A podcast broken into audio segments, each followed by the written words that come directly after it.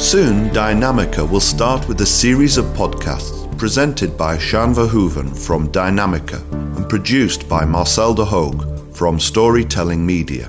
Under the title What's Your Story?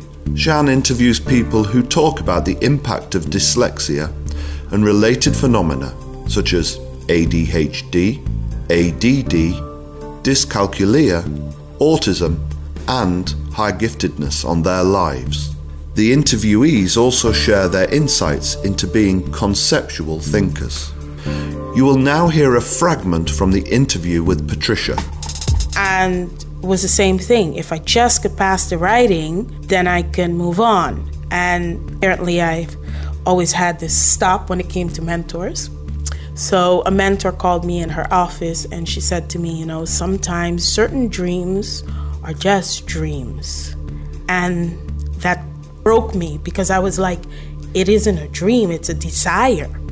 And she said to me, you know, sometimes there's just certain things you can't do, and sometimes you just need to accept that. This is just a short piece from the podcast you will be able to listen to soon. For the podcast, What's Your Story?